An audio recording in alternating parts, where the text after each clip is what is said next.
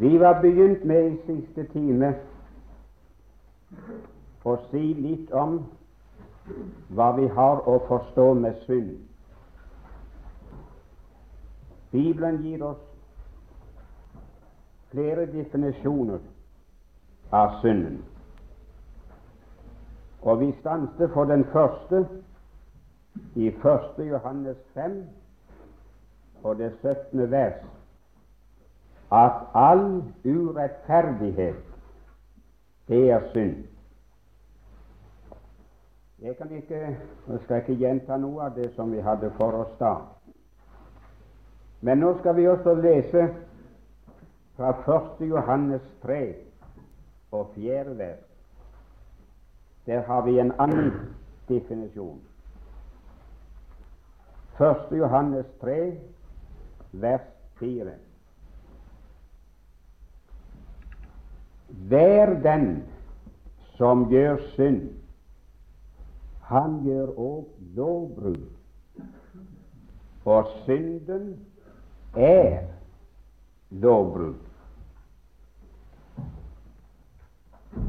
Så spør vi Guds ord om hva synd er, så står det ganske klart og bestemt at synd er lovbrudd.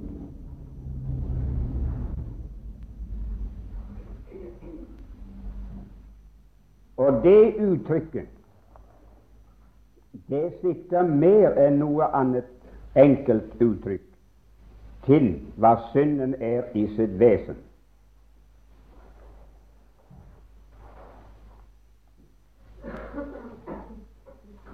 De som kjenner grunnteksten Jeg har forhørt meg med mange av dem. De kan fortelle at det både i hebraisk og gresk er brukt forskjellige ord for vårt ord synd eller synde. Det å synde.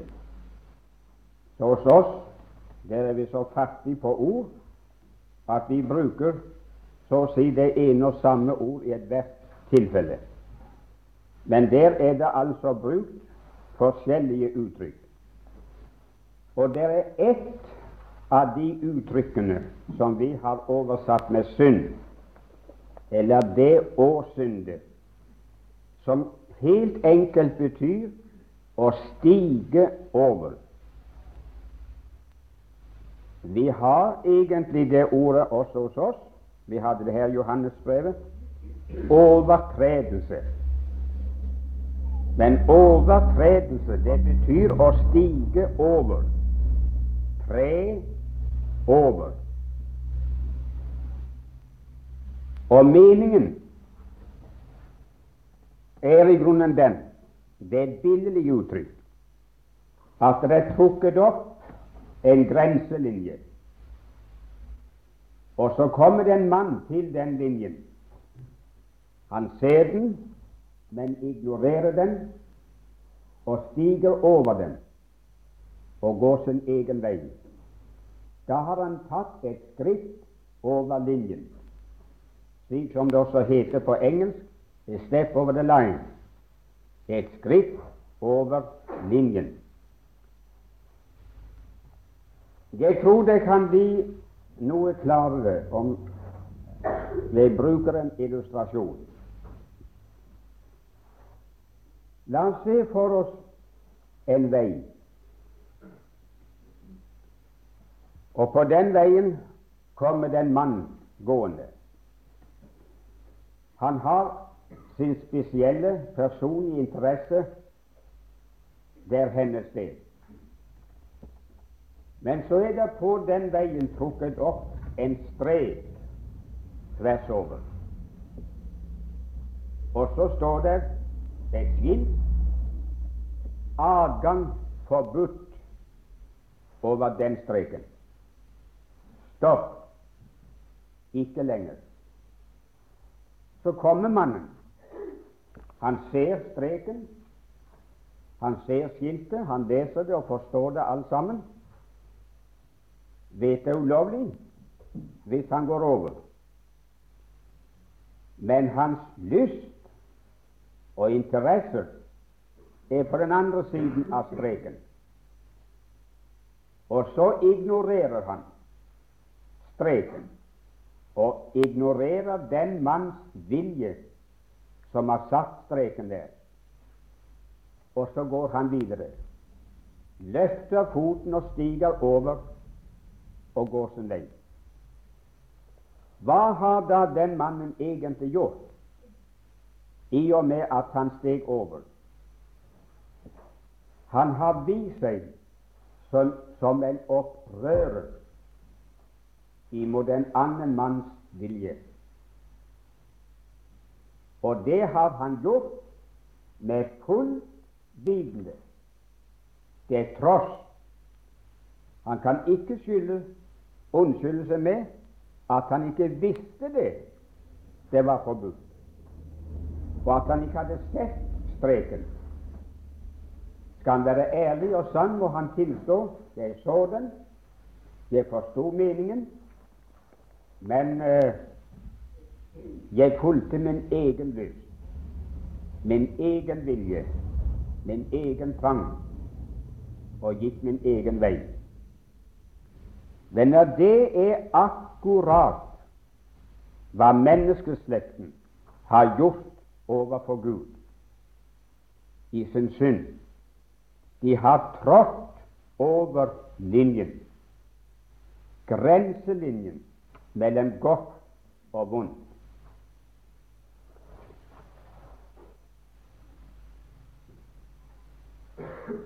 Jeg tror jeg kan si det klarest på den måten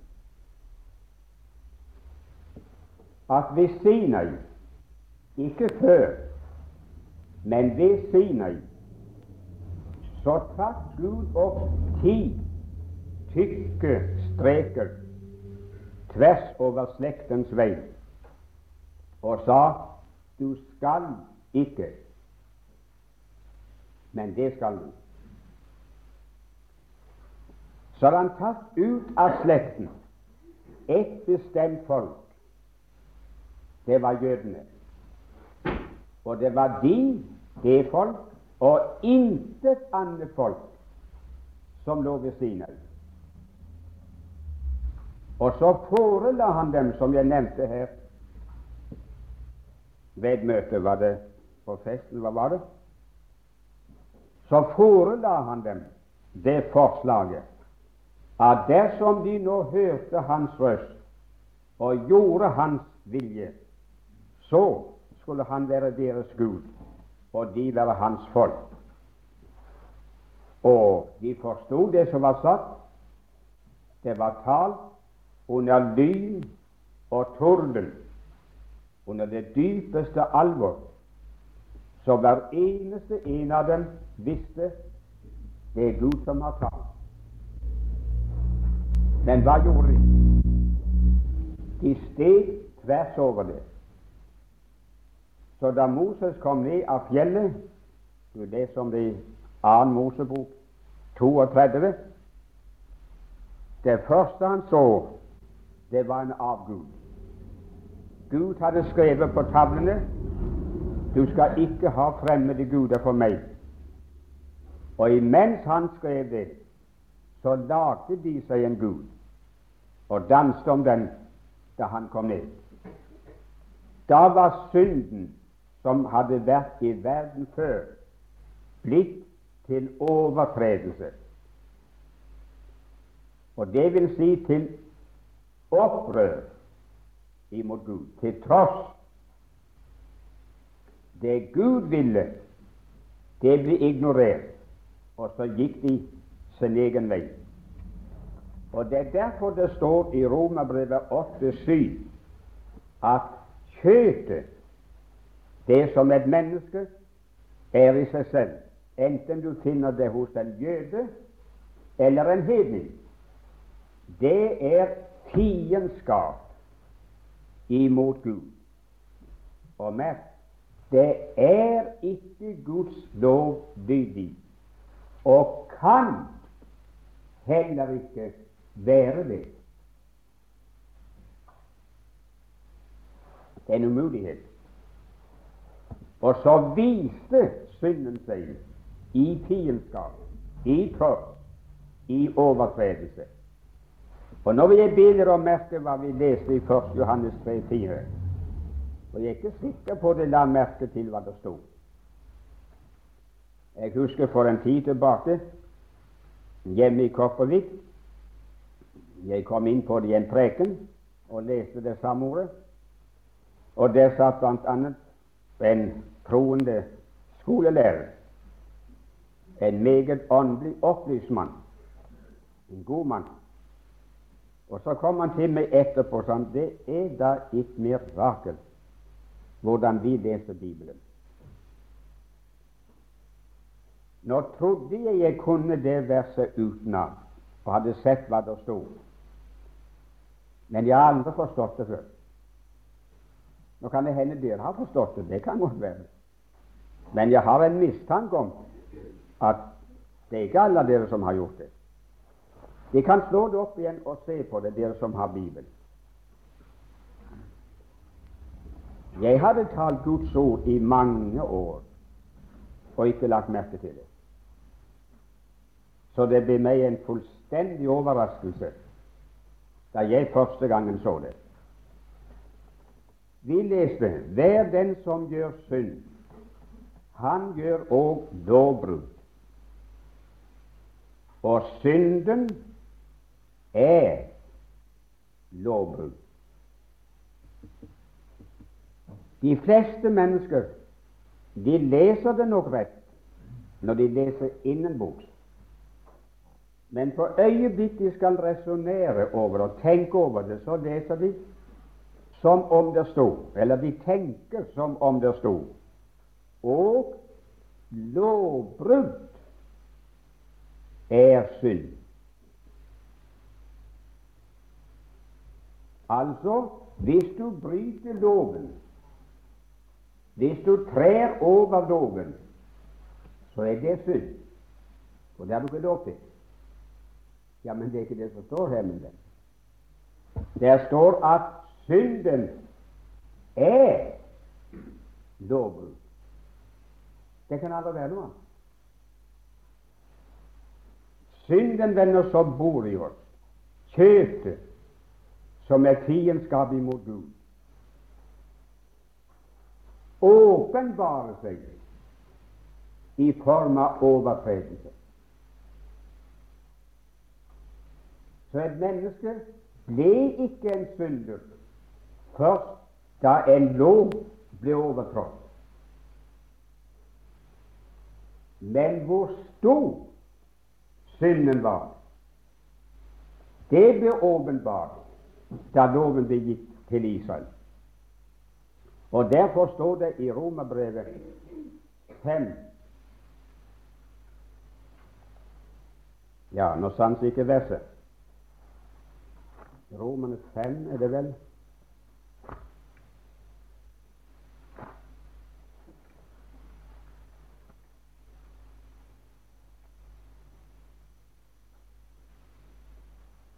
Ja, 25. Men loven kom til for at fallet skulle bli stort. Og De lærde sier at ordet betyr egentlig for at fallet skulle vise seg å være stort. Og det var så stort det som var skjedd lenge før loven ble gitt, at når Gud sa 'det skal du', 'det skal du ikke', så Det bryr jeg meg en god dag om. Jeg går min egen vei. Det er opprør. Det er fiendskap. Det er tross imot Gud. Og Det var nettopp derfor vi leste i Romerne 5 tidligere at det var synd i verden før loven. Men det var ingen overtredelse før. Den hadde ikke åpenbart seg i sitt vesen at den er fiendskap mot Gud. Men da kom det for dagen. Jeg understreket i sted at det var bare den ene nasjonen som lå ved Sinai. Det ble ikke gitt til alle nasjoner i verden. Det er merkelig at de som kaller seg for lutherske kristne, ikke er oppmerksom på det. For ingen har skrevet det tydeligere og klarere enn Martin Luther.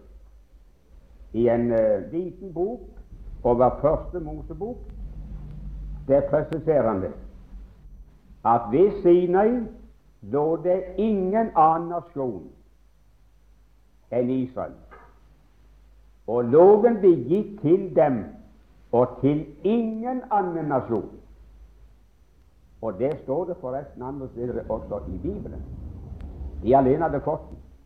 Og Derfor står det i Romerbrevet 2 at jødene som har loven, og hedningene som ikke har loven. Så det stemmer. Og så leser vi forgjeves, venner, i hele Bibelen for å finne et eneste vers som forteller at det har funnet sted en ny lovgivning, hvor hele verden er blitt dratt inn under den. Nei, denne Gud tok ut av slekten en bestemt nasjon.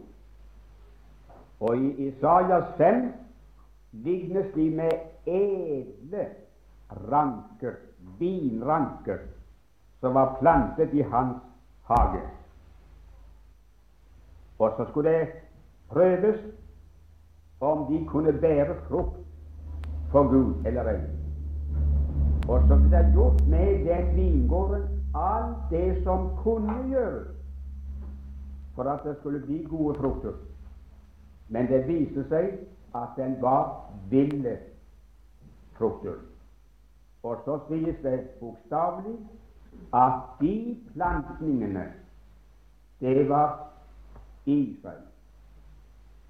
Det var Judas barn. Så tok han den nasjonen, det beste folk som jorden har vært, og ga dem de gunstigste betingelser for å leve et liv som behaget Gud. Og så la han de inn under den loven på Sinai. Så vær så god, nå kan dere forsøke. Nå har de lovt at de skal gjøre alt det jeg sier og befaler. Vær så god. Klarer de det, så jeg eders Gud, og så det mitt folk. Klarer det ikke, vel, så har det intet krav på meg. Og så har det folket, min venn, forsøkt helt fra den dagen av og ennå å holde det der. Og ennå aldri har det lykkes for en eneste en av dem.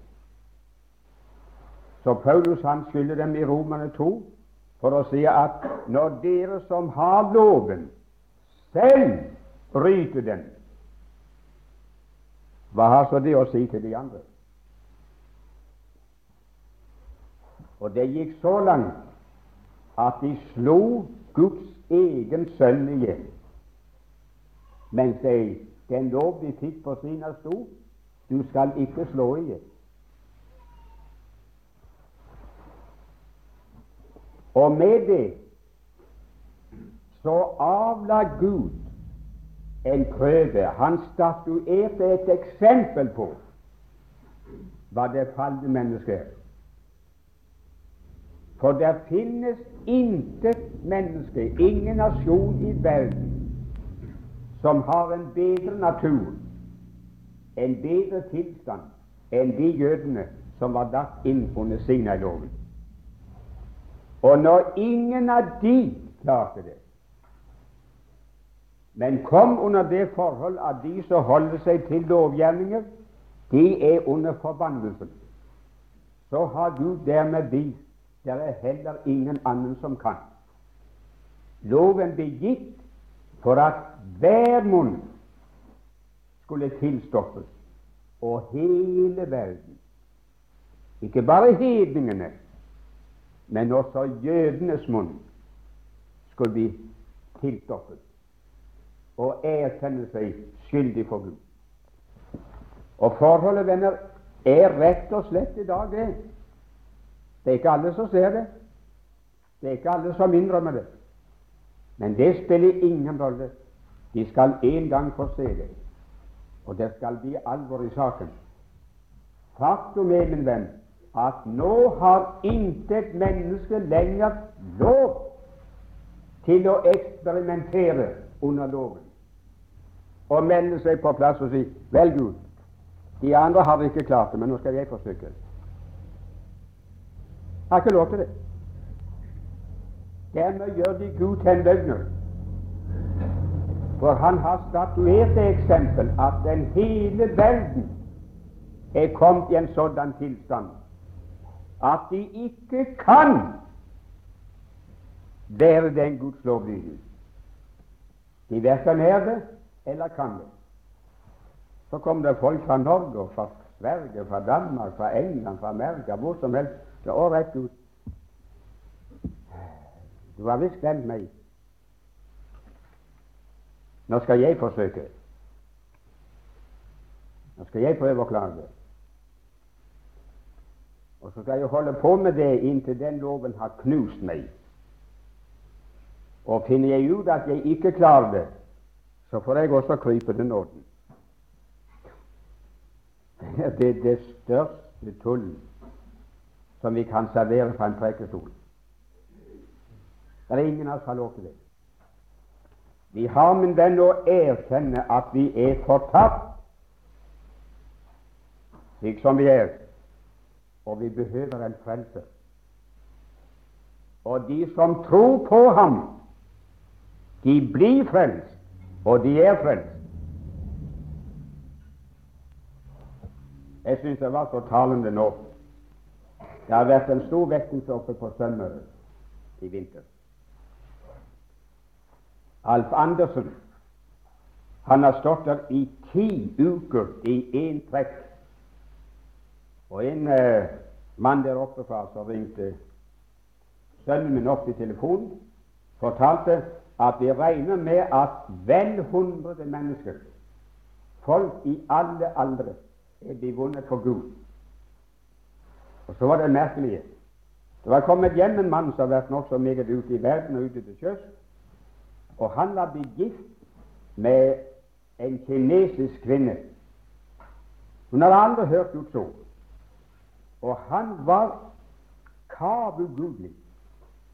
Eide ingen interesse for åndelige ting.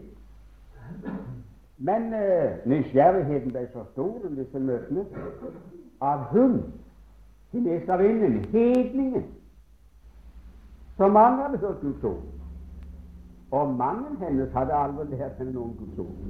Ingenting. Hun ble nysgjerrig og kom på møtene og satt og hørte Andersen forkynne evangeliet for syndere.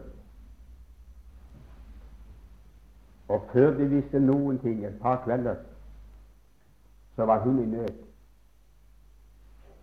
Så erklærte hun seg fortapt, og så ba hun dem Be for meg.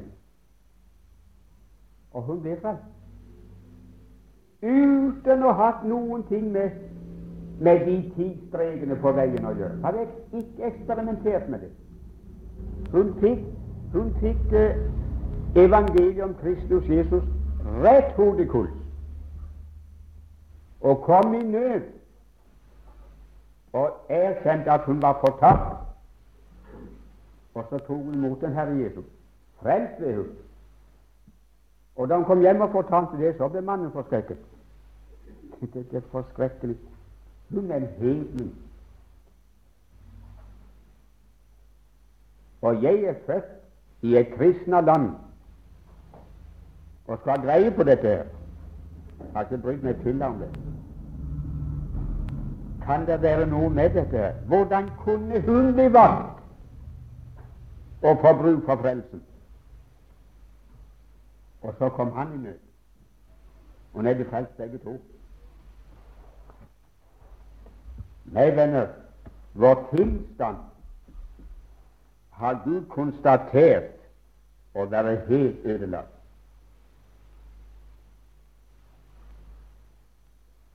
Kan jeg få bruke et annet bilde? Dette er så vanskelig å, å, å gjøre forståelig for folk. Nå har jeg en del mål jord hjemme, ca. 40 mål jord.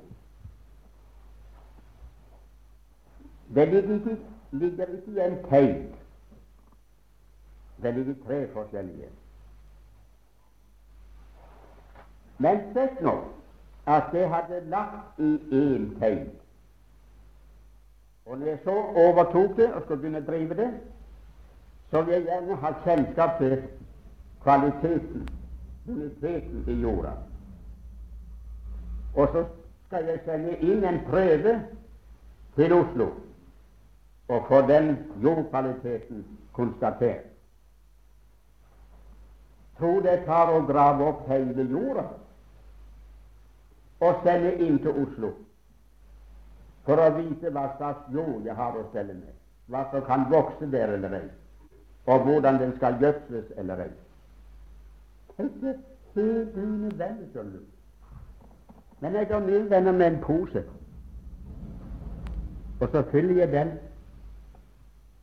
med lite grann, en brøkdel av de 40 målene jord. Og så sender jeg den inn til Oslo. Så blir den analysert. Og i den prøven har jeg kjennskap til hele jorda. Forstår du? Gud tok ikke hele slekten til Sinai, men han tok ut en liten pose, en håndfull av slekten, og satte prøve på den. Og de var Adams barn, akkurat som alle andre. Og så viste det seg under den prøven at de var blitt uduelige. Hadde bare fått en og annen skade. Det var ikke bare de bedervet, men de var fordervet. En frukthandler han kan få bedervede appelsiner og de skynder han seg med å få selge til, til barna for en billigere pris. Men hvis de er fordervet, så kan jeg døre for dem. Det er de helt gående. Og slekten den hadde ikke bare fått en liten skade, men den var totalt fordervet, fortapt, uduelig, ubrukelig. Så hvis Gud skulle forfrelse mennesket, så måtte det noe helt nytt til. Det måtte en helt ny skapning. Det gamle mennesket, det i Adam falne, det måtte korsfestes. Og så gjelder det nå for Gud bare en ny skapning. Og bare en ny skapning, står det i Galaterbrevet 6, er noe for Gud. Alt andre, enten det er omskåret og gjort skyldig til å holde loven, eller det er alt annet, det er ingenting.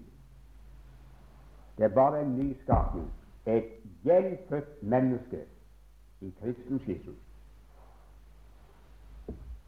Ja, ja, dette er altfor kort sagt, men jeg kan ikke gå nærmere inn på det nå. Men jeg vil gjerne ha med én ting til.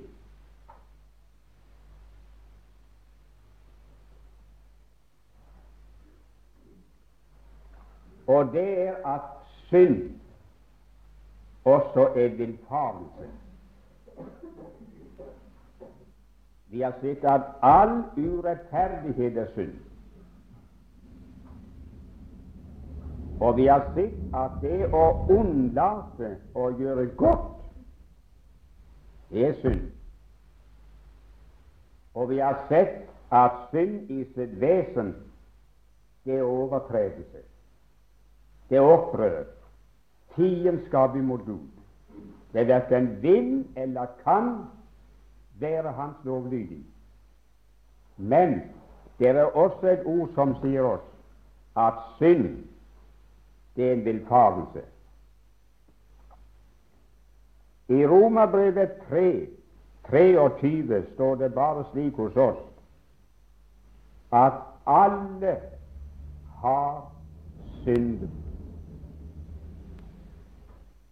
Men hva vil det si? Det vil si med den at hver eneste en er avveken. Han har forlatt veien, og han er faren vill. Han er ikke der som Gud hadde satt ham, og der Gud ville ha ham. Nå skal jeg lese litt som jeg har skrevet ned fra en annen mann, fra doktor Skofield i Amerika, som nå er hjemme hos Gud. Han sier i forbindelse Jeg har skrevet det ned her. Han sier i forbindelse med Romerbrevet 3, det niende til og med 23. vers, annet. Den bokstavelige mening av det hebraiske og greske ord som avvekslende er oversatt med synd, synder og synde osv., avslører syndens vesen i dens mange forskjellige ytringer. Synd er urettferdighet, en vond handling uansett om den er direkte forbudt eller ikke. Synd er også Nå kommer det. Synd er også å ta feil,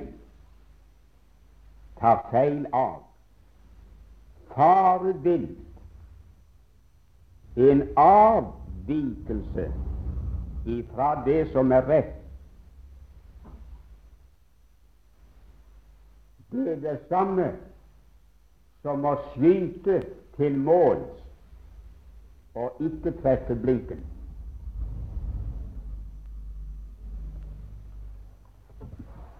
Og ett av grunntekstens ord som er brukt der hvor vi har synd og syndet, betyr å ikke treffe blinken. Du skyter den ut, men den avviker. Den farer feil, og den treffer ikke målet. Og så har vi et annet ord i vår oversettelse som heter misvelg. Det er mistreff. the meeting of the mark. Kan du se, jeg, jeg liker det der bildet. Det der å ikke skyte blindt. Ikke treffe målet. Kan du se for deg en mann på skytebanen? Han har aldri vært på skytebanen før, men han tror at han kan skyte. På det punktet har han ingen erfaring og kjenner ikke seg selv. Men så melder han seg på skytebanen. Så får han seg gevær, og slå, og så stiller han opp. Så skal han treffe den skiva der henne tidelskjeve. Jo da, det. Så sikter han. Ligger det der borte og se på skiva. Bom. Merkelig.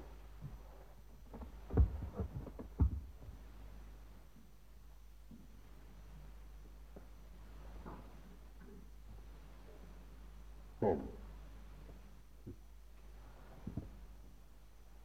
Det må noe galt med dette geværet. Skal jeg få låne denne?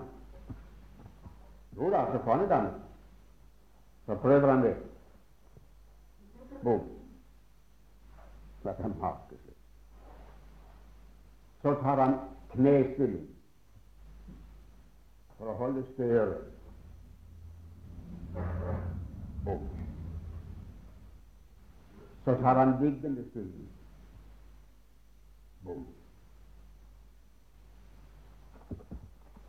Unnskyld, det er ikke noe galt med denne ammunisjonen. Nei, det skal i orden. Men du kan godt få bytte. Så han litt på en annen kasse. Bom. Til slutt, min venn, så kaster han geværet.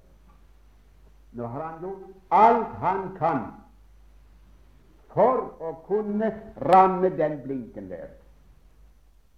Og så har han ikke fått en nier engang. Det er blitt bom. Så slenger han geværet fram. Vel, det må være meg som ikke kan skyte. Han vil gjerne treffe blinken, men han mangler evnen til å kunne treffe den. Det blir mitt treff tross de ærligste forsøk. Og de mistreffene overbeviser mannen om geværet er i orden, ammunisjonen er i orden, men det er med den mannen det er galt. Det er her materialet er ødelagt. Jeg kan ikke. Det syns jeg skulle være nokså lett å forstå. Og Romerbrevet 7, kanskje særskilt, sier at loven, den er god. Visst. Amen, sier vi det. Men hva hjelper det med den at den er god, når mannen som skal bruke den, er ødelagt? Han er avviken. Han er uduelig. Det finnes ikke én som gjør godt. Der står det i Roman 8,3 at det som var umulig for loven, idet den var maktesløs på grunn av kjøpet, det gjorde Gud da han sendte sin sønn i syndig kjøps lignelse, osv. Har du lagt merke til det? At det var noe som var umulig for loven, fordi den var maktesløs på grunn av kjøpet, på grunn av materialet. En illustrasjon igjen. Det var ganske ung. Det var godt og vel. Så var jeg nede i Ekersund og kom til å gå forbi den korte varehandelen. Så så jeg eh, noen gjenstander som var festet til en papplate stilt ut i vinduet, så jeg ikke kunne begripe hva det var for noe. Så gikk jeg inn og skulle kjøpe noe annet, og så spurte jeg det er det, det der så, som er festet på, de, på den platen. Hva er det for noe? Jo, sånn, det, det er blyantspisser. Blyantspisser? Det har jeg aldri hørt før. Vi sa kvesteblyant når det gjaldt noe sånt. Ja, det er sånn som vi spiser blyanten med. Kvester blyanten med. Å. Hvordan gjør du det? Jo, det ganske enkelt. Så tok han løs en, og så tok han en blyant, og så stakk han inn i. Ja. Så. Så er det 50 øre. Takk, det skal han sånn. Vel, reiser jeg hjem. Skal jeg ha blyant? Nei takk, jeg har blyant hjemme. Skal bare den spise. Kom jeg hjem. Da hadde spist, så sa jeg til søsteren min Hun var litt yngre. Kom med her, så jeg skal få se noe rart.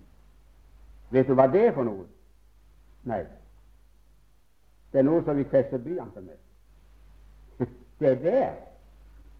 Ja, det kan du tro er fine greier. Så brakk jeg den av spisen og sin mann. Der gikk han. Så var hans ærend.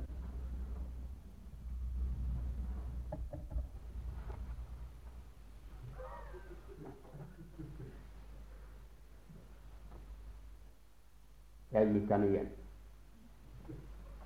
Så begynte hun å grine og le. Så tømte jeg den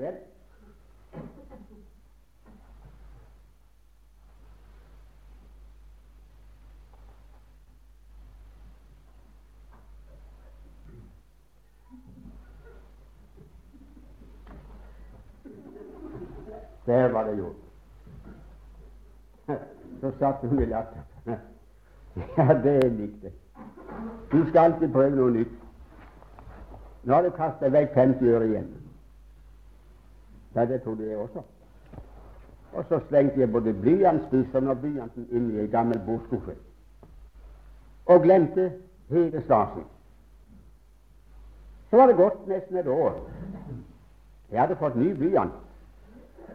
Og tilfeldig kom jeg til å se den blyantspiseren i skuffen. Men da var jeg alene. Jeg ville ikke at Amanda skulle se det.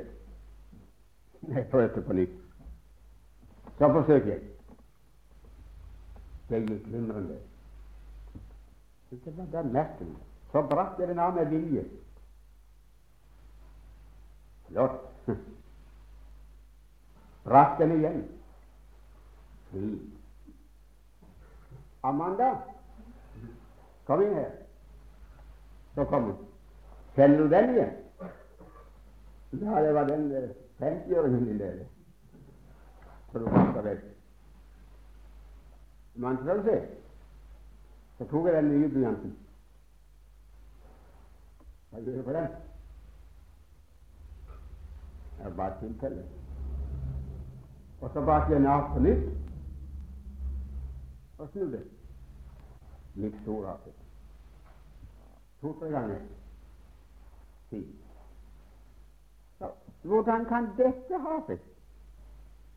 Sist fikk du det ikke til. Det er bare én forklaring, sa jeg. For når jeg kom etter det Dette er min blyant.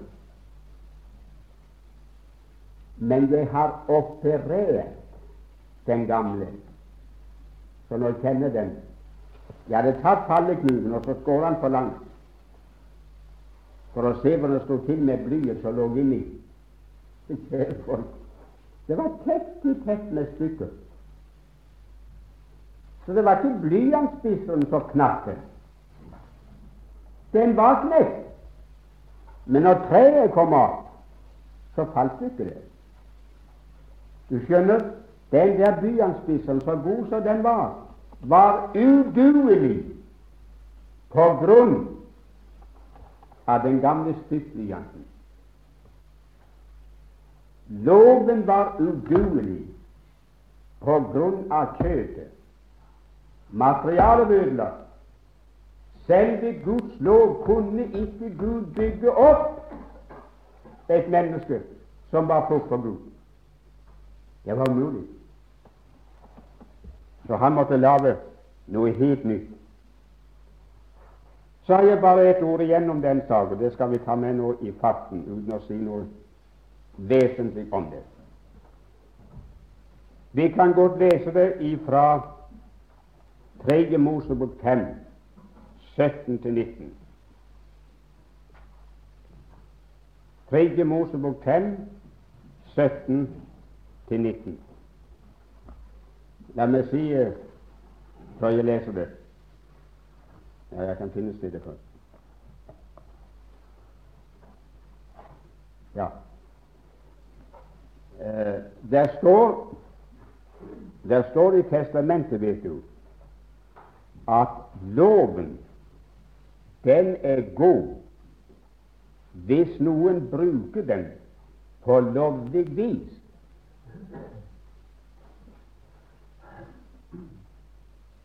Så vel, det kan ikke sies et eneste ondt ord om de ti strekene som ble trukket opp over veien.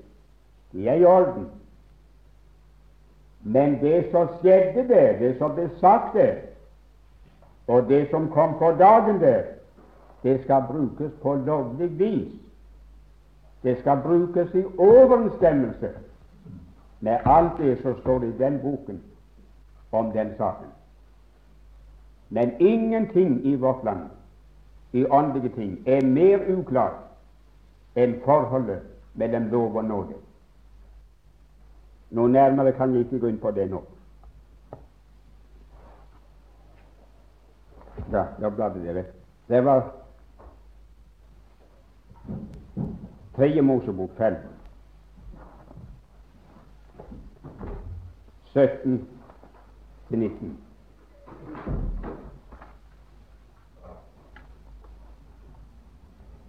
Når noen uten å vite det synder mot noe av Herrens bud. Og gjør noe som Han har forbudt å gjøre, og han således har ført skyld over seg, og det ligger misgjerning på ham, så skal han som skyldoffer føre frem til presten enhver uten lyte av sitt småfe etter sin værsetning, og presten skal gjøre soning for ham for den synd som han uvitterlig har gjort, så han får forlatelse. Det er et skyldoffer. Han er blitt skyldig for Herren.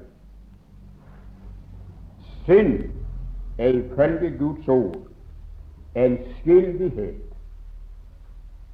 Det er et skyldspørsmål i vårt forhold til Gud. Ikke skyld i betydning av en krambugjeld som skal betales. Men skyld i moralsk henseende, juridisk sett, så vi er skyldige til dom og til straff. Og det Gud anklager oss for, venner, det å være skyldige. Vi er skyldige i urettferdighet. Vi er skyldige i overtredelse, i opprør. Vi er skyldige i avvikelse, i misgjerning. Vi har ikke truffet blinken. Og der finnes, venner, der finnes vel ingenting i troende menneskers liv som har brakt dem så megen fortvilelse som nettopp disse forsøkene på skytebanen til å treffe blinken. Det er mistreffende alle bommene. Du står opp om morgenen på grunn av den kristendomskunnskap du har, så vet du hvordan du skulle leve, og hvordan du skulle være, innvortes og utvortes. Så leser du Guds ord, og så ber du Gud å hjelpe deg den dagen. Ta det sammen så godt du kan, og så sliter du i tolv timer. Bom. Du var, du var kanskje borte sveva en annen gang, og så er du dømt. Så kom du i tvil. Uken går, ser tilbake på samtlige dager mistreff, misgjerninger. Og Gud, jeg ville det annerledes. Lysten har jeg og viljen har jeg etter mitt innvortes menneske. Men det er en annen lov i lemmene mine som tar meg til fange. Så når jeg skyter, så blir det bort. Jeg treffer ikke.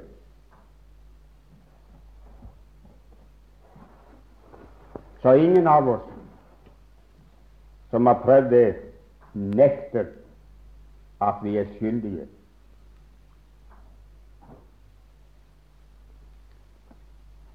For ingen av oss har helt ut greid, og vil aldri kunne greie det, å leve helt opp til Guds standard å være som Han er i denne verden.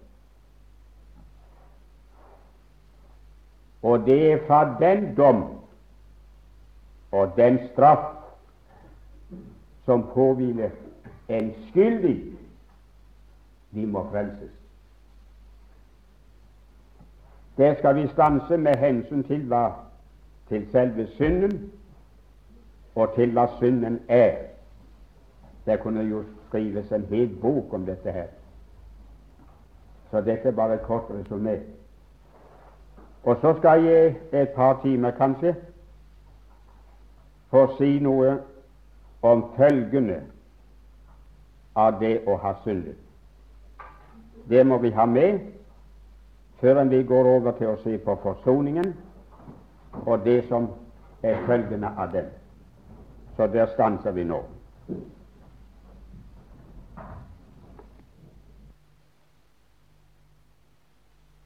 Vi nå.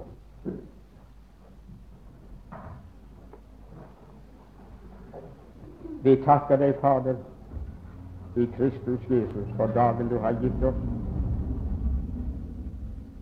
og for de ting det må ha lyktes deg og festet i vårt sinn,